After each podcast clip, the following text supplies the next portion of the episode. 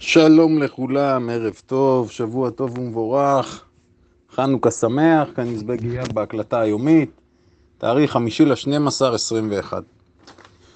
אנחנו נתחיל הפעם עם עולם הקריפטו ונתחבר לעולם המניות. חווינו תנועה מאוד מאוד אגרסיבית. מי שראה את הביטקוין יורד מאזור ה-57 עד אזור ה-42 אלף דולר, אנחנו מדברים על 20 אחוז, 20 אחוז בפרק זמן של שעה נניח, פלוס מינוס, תנועה סופר חריגה. עכשיו בואו רגע נדבר במספרים, לפני שאני אסביר מה הולך פה, וגם אני אתן טיפים כיצד ניתן לחזות מהלכים ומדוע למעשה המהלך הזה היה כתוב. שוב, מי שאומר המהלך היה כתוב, אז יש פה עניין של יכולת לנתח סיטואציות שהן ייחודיות.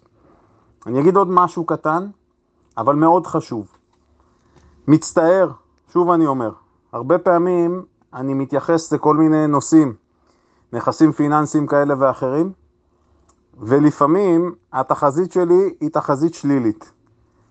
מסוג המצבים שאתם שומעים אותי, ואני אומר את זה בצורה הכי ברורה, לצערי.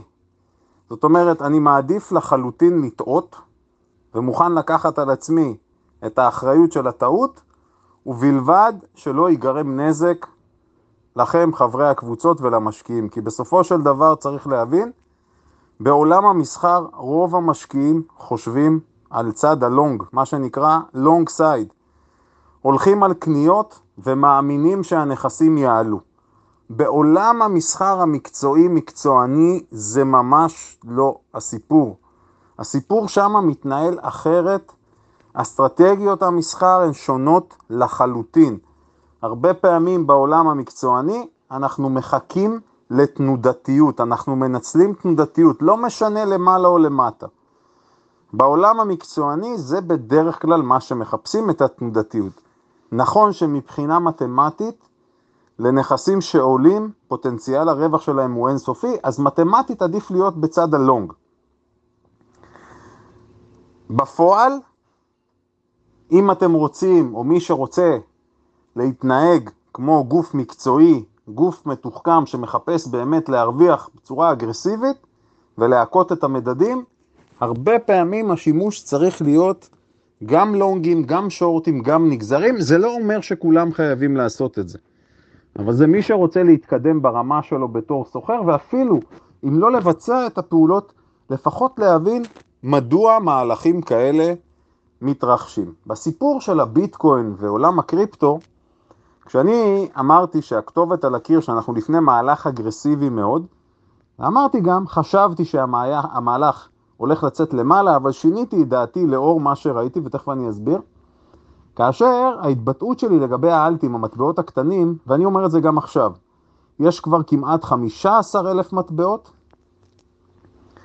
בעתיד לא יישארו, ואנחנו נראה מחיקה שלהערכתי 99 ומשהו אחוזים מהמטבעות יימחקו. ואלה שיישארו, למעט הביטקוין, האיתריום הגדולים, האדה ועוד כל מיני כאלה, הם יהיו שווים גרוש וחצי. נכון, נכנס פה עכשיו הסיפור של ה-NFT ועוד כמה פרויקטים מעניינים שיכולים באמת לתמוך במספר מטבעות, אבל הרוב המכריע של המטבעות לא יהיה שווה אפילו לא קליפה של פיסטוק, או אפילו לא קליפה של גרעינים ברמה כזו. לא יהיה שווה שום דבר, אני אומר את זה מניסיוני כמובן, אולי אני אטעה. עכשיו, מה האירוע שהיה פה? אנחנו מדברים על ירידת שווי מאזור השלושה טריליון דולר שווי שוק שהביטקוין נסחר באזור ה-68.5 אלף בשיא, לשני טריליון נכון לעכשיו. זאת אומרת, שליש מהכסף נמחק שם. המהלך שראינו, ה-20%, צריך להסביר. ראינו ירידה בזמן למעשה שניצלו את השעות סופש, נזילות מאוד נמוכה, ופה צריך להסביר משהו. יש לסחור בספוט, כלומר בסחורה עצמה, בביטקוין עצמו, אני רוצה לקנות ולמכור ביטקוין בשער שלו באמת כמו שהוא נסחר במסחר הרציף. ויש לסחור בחוזים העתידיים שעוקבים אחרי הביטקוין. ויש לסחור בחוזים ממונפים יותר ופחות, ולמעשה רוב המסחר, אני לא מדבר כרגע על השקעה, השקעה זה מישהו שקנה את הביטקוין, מחכה איתו לטווח ארוך. רוב סוחרי הביטקוין יש להם חשבונות קטנים, והם מנצלים מינופים. נניח יש לי חשבון שבפועל יש בו אלף דולר במזומן, הברוקר נותן לי לסחור על עשרת אלפים דולר. מה המשמעות? אם הביטקוין יזוז עשרה אחוז עכשיו, וקיבלתי את המינוף הזה של עשרת אלפים דולר, בעשרה אחוז תנועה על עשרת אלפים דולר, זה אלף דולר, נמחק לי החשבון. מה קרה עכשיו בסופה שזה בדיוק הסיפור הזה, מחקו חשבונות מסחר. כל השחקנים הממונפים שהלכו נגד הכיוון, חטפו פה פשוט פצצה על הפנים, מחקו אותם. גם מי שהצליח לשרוד את זה יצא בשן ועין. עכשיו, אני אומר, ניצלו את השעות ואת הסופש. המסחר היה מאוד דליל, אבל ראו בלוקים שנזרקים. ראו את הבלוקים האלה שנזרקים, וזה הדבר המעניין. זה קרה בו זמנית בחוזים העתידיים וגם בביטקוין עצמו בספוט. זאת אומרת, הייתה פה התקפה, ככה אני רואה את זה, בסדר? התקפה מתוכננת, משולבת היטב. חשוב להבין, המסחר בביטקוין מתרחש בבורסות שונות. בכל בורסה הציטוט יכול להיות שונה לגמרי. יש פה עשרות גופים שאפשר לסחור באמצעותם, מפוקפקים יותר, בטוחים יותר.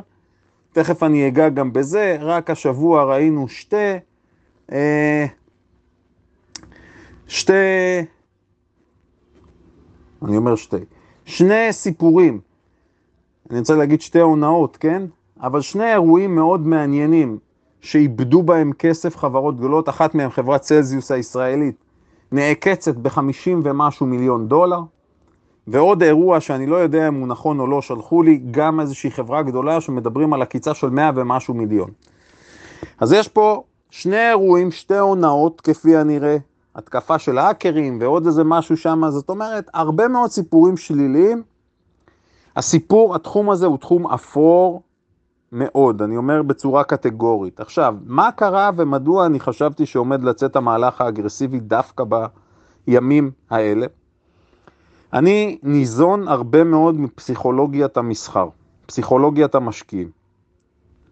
עכשיו, יש דברים שאני רואה בגרפים. כשאני מסתכל על גרף, אגב, שאלו אותי גם פה, אני חייב להתייחס, אני לא מסתכל על אינדיקטורים טכניים. אינדיקטורים טכניים בעיניי אין להם משמעות בכלל. אני ממש שם אותם בצד. יש כמה כמו ממוצעים נעים שניתן לעשות בהם שימוש. בגדול עדיף להסתכל על גרף ערום לגמרי.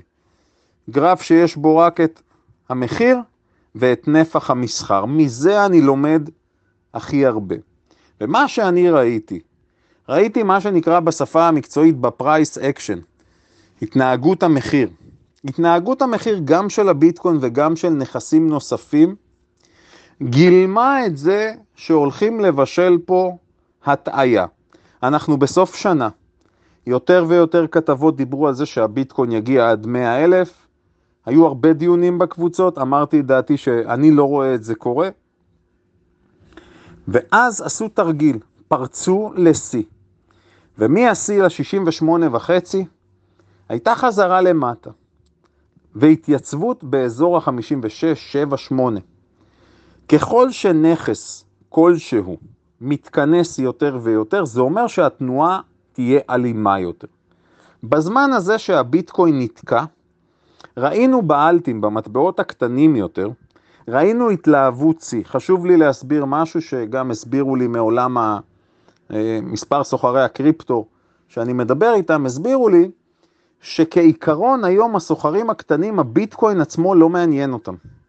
מעניינים אותם האלטים. למה האלטים מעניינים אותם? כי במטבעות הקטנ... הקטנים התנועות יכולות להיות של עשרות ומאות אחוזים, לפעמים אפילו ביום, יומיים, שלושה. אז יש איזשהו מאזן בין הביטקוין והאיתריום אולי, לא בעצם אתם יודעים מה רגע נשים בצד את האיתריום, כי הביטקוין בעולם בפני עצמו, שכסף יוצא מהביטקוין הוא עובר למטבעות הקטנים יותר. וזה סיפור מעניין. עכשיו, כשאני עשיתי את האחד ועוד אחד הזה, וראיתי, ואני קורא אגב הרבה תגובות ברשת, אתם תתפלאו, אני לא מחפש כתבות שמגיעות בכל מיני אתרים כלכליים. כשאני מחפש דברים שקשורים לנושא הזה, אני מסתכל דווקא על תגובות של סוחרים קטנים. כל מיני קומנט שלהם.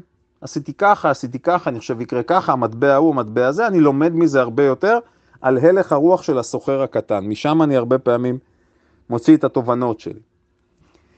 כל זה ביחד, פלוס ההתלהבות, ופה צריך להבין, רוב סוחרי הקריפטו זה כמו סוג של דת. הם מאמינים ממש במטבעות והם רואים כל מטבע בתור איזושהי יצירת פאר והם מתגאים שאפשר לעשות ברשת שלו ככה וככה דברים וזה בכלל לא מטבע אלא יש פרויקטים מאחורי זה ואני מצטער לאכזב להבנתי, בסדר? מה שיש מתחת למכסה המנוע, אין מנוע. אוקיי? למעט כמה מטבעות, פשוט אין מנוע שם מתחת. אבל הם עדיין לא מבינים, ואני מרשה לעצמי פה להגיד בשיא הזהירות, היות ואני רק 20 שנה בערך מתעסק במסחר, אז אני מצטער, אבל אנשים שנמצאים שנה, שנתיים או שלוש בתחום, צר לי, אני מרשה לעצמי לומר, כנראה שאתם לא רואים את התמונה עדיין מלמעלה, אלא אתם חיים את זה וזה נראה לכם הדבר הכי מדהים עלי אדמות, ויכול להיות שזה יהיה, אבל רק למטבעות ספורים. בקיצור, ניצלו פה את התמימות של המשקיעים ועשו להם תרגיל שתיים על הראש. עכשיו, נשאלת השאלה, לאן הולכים מפה? ראינו נסיגה לאזור ה-42, באונס קפיצה בחזרה לאזור ה-50, ועכשיו הוא נסחר הביטקוין סביב ה-49. סיפור קריטי מאוד. אם אנחנו נראה חזרה מעל 53 אלף, אפשר להכתיר את הסיפור הזה והתייצבות, כן? אפשר להגיד שמה שהיה זה מקרה נקודתי. אם הוא לא מצליח לעלות מתחת ל-53 אלף, פה כבר יהיה בלגן רציני, ואם הוא ירד מתחת ל-42 אלף, תצפו לירידה עוד יותר אגרסיבית, אבל בצורה ממש חזקה. אוקיי? אלה נקודות הציון. אני מציע, כמובן כל אחד שיעשה מה שמבין, לא הגיוני להחזיק תיקים שיש בהם קריפטו ולחשוב שנעזוב את התיק עכשיו לנצח או נחזור עוד שנתיים או שלוש. צר לי להגיד, מי שנוקט באסטרטגיה הזו בעיניי אה, מפספס. לא יכול להיות שהביטקוין ישבור שיא, יעלה ל-70 אלף, ואנשים ירדו איתו לטיול ל-42 אלף ויגידו זה בסדר. בטווח הארוך הוא יעלה. זו לא התנהגות של משקיע, זו לא התנהגות של משקיע בנכס מהסוג של ביטקוין. במניות זה משהו אחר, מדדים משהו אחר. נכס שיכול לעלות ולרדת בצורה כזו, זו לא הדרך הנכונה להשקיע או לסחור בו, אני אומר את זה קטגורית. אז זה תשומת לבכם. עכשיו, אחרי שהתייחסנו לקריפטו, בואו נדבר על שוק המניות. מניית הברומטר שלנו מספרת את הסיפור. אמרתי לעקוב אחרי מייקרוסופט, אפשר לראות אחד לאחד, השוק עושה מה שהיא עושה בסופו של דבר. מייקרוסופט ירדה מתחת ל-320, חזרה מעל זה, סגרה בסוף מעל. ראינו בנסדק ירידה של בערך 2%, בשיא היום זה כמעט ירד ל-3%, ה-S&P והדאו הגיבו במתינות. נפחי המסחר מאוד גבוהים, כמעט פי שניים מהממוצע. מה אנחנו יכולים לצפות לשבוע הקרוב? ראשית, מי שפתח הגנות על התיק, צוחק, נשען אחורה מבסוט על החיים שלו. צריך לנהל את ההגנות בצורה חכמה, זה נכון. התנודתיות תימשך, חד משמעית. אין פה בכלל מקום אחר. התנודתיות תימשך, תימשך גם בעוצמה. ראינו את תשואת האג"ח. התשואה יורדת משמעותית עכשיו. הייתה כבר 1.66, 1.67, אג"ח ארה"ב 10 שנים ירד ל-1.3 משהו, שזו תנועה סופר קיצונית, זאת אומרת מחיר האג"ח עולה, כסף זורם מהמניות לשוק האג"ח.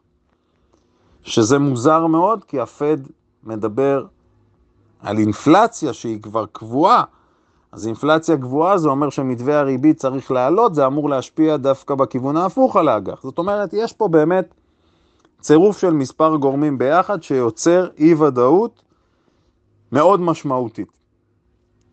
ברמת מניות, ראינו את פייסבוק יורדת ל-300 דולר, אפרופו מי ששאל אותי אחרי הדוח מה אני חושב, הנה קיבלנו את הפייסבוק שלנו ב-300 דולר, מי שדאג שהיא ברחה לו ל-350, הנה היא שוב ב-300, רחוקה 20 ומשהו אחוז משיאה כבר. כל אחד שיעשה עם זה מה שמבין. השבוע הקרוב אנחנו ממשיכים להסתכל על מייקרוסופט. אין מה להתייחס ליום כזה או אחר. עלייה של 2%, ירידה של 2%, חסר משמעות בשוק במדדים המובילים בעיניי, רק אנחנו נצטרך לחכות לשבוע נוסף, לסגירה נוספת. קיבלנו ביום שישי סגירה נוספת, נר אדום חזק למטה. במניות רבות, במאות מניות למעשה, אנחנו רואים כבר כרגע המימושים של ה-60, 70, 80, 90 אחוז. זה הזמן שוב לבדוק כל אחד את התיק שלו ולראות שהתמהיל שלו בנוי בצורה נכונה. הרבה מאוד חברים תקועים עם המניות הסיניות. אני באמת אמרתי כבר, נמאס לי לדבר על זה, לא מבין את החבר'ה שמתעקשים עם הסיפור של בבא, שמאזור ה-200-220 אנחנו אומרים שהשוק מתמחר יציאה, חברים ממשיכים להתעקש. מי שממשיך להתעקש, בהצלחה מה שנקרא, בסוף מישהו צריך לשלם את החשבון תמיד, אז אתם תשלמו את החשבון. מי שבכל זאת נמצא שם, אז לפחות שהחשיפה תהיה בהתאם. מניה נוספת שמייצרת, גם סינית, שמייצרת הרבה עניין, זה הסיפור של ניאו. מה עושים עם ניאו עכשיו? עם ניאו בעיניי אותו דבר בדיוק. חשיפה צריכה להיות מוגבלת, וגם במקרה שלה צריך לקחת בחשבון שיכול להיות שימחקו אותה מהמסחר, למרות שאני חושב שאיתה הסיפור הוא קצת שונה, אני מודה. אבל עדיין, מה לעשות, היא מגיבה בצורה אגרסיבית. אז לקחת את זה בחשבון, אגב, שימוש בנגזרים במצבים האלה הוא מושלם למי שיודע, אני מדגיש למי שיודע, מי שלא יודע, חס וחלילה לא להתעסק. הרבה מניות שאנחנו עוקבים אחריהן, LAC, לוסיד, כל החבורה הזו התממשה בצורה מאוד חזקה. 20-30 אחוזי מימוש. מניות הביטקוין כמובן, מחר בכלל יהיה סיפור. נראה פתיחה, מרה, ראיות, מאסטר, ביטי ביטי, קוין. גם פה, מי שלא מימש, זה פשוט בהבנה שלי, בתפיסה שלי, זה פשע לא לממש במניות כאלה. יגבוהו חברים ויגידו, אייל, מה שונות המניות הללו מאפל, ממייקרוסופט, מאמזון? עולם אחר. לכל מניה יש תעודת זהות. אנחנו יודעים להתאים את התנהגות המניה, ואני יכול לצפות על פי תעודת הזהות של המניה, אני יכול להעריך מה היא הולכת לבצע. ופה הסיפור הגדול, ובמניות כאלה זה א' ב' לדעת לממש, דיברתי על הנושא הזה של רולינג, לגלגל. שאלו אותי חברים, אייל, שאתה אומר גן עדן לסוחרים. כן, התקופה הזו לסוחרים אגרסיביים זה גן עדן, כי שיש תנודתיות כזו גבוהה בכל שוק המניות, בכלל ובפרט במניות צמיחה נניח או אגרסיביות, הסוחר האגרסיבי, גם את הלונגים, גם את השורטים, למעשה הוא מקבל תנועות שאם במצב רגיל התנועה נניח היא חמישה אחוז, אז פה מקבלים את המגבר, את האמפליפייר, זה יכול להיות פי 2, פי 3, פי 4, פי 5 באותו פרק זמן. שזה גן עדן, באמת אני אומר, אין, זה פשוט להסתכל ולהגיד, אוקיי, איפה אני, איפה אני רוצה להיכנס? אנחנו רואים גם את הדוגמאות האלה יום-יום למעשה, יודעים איפה לגעת, יודעים על מה להסתכל.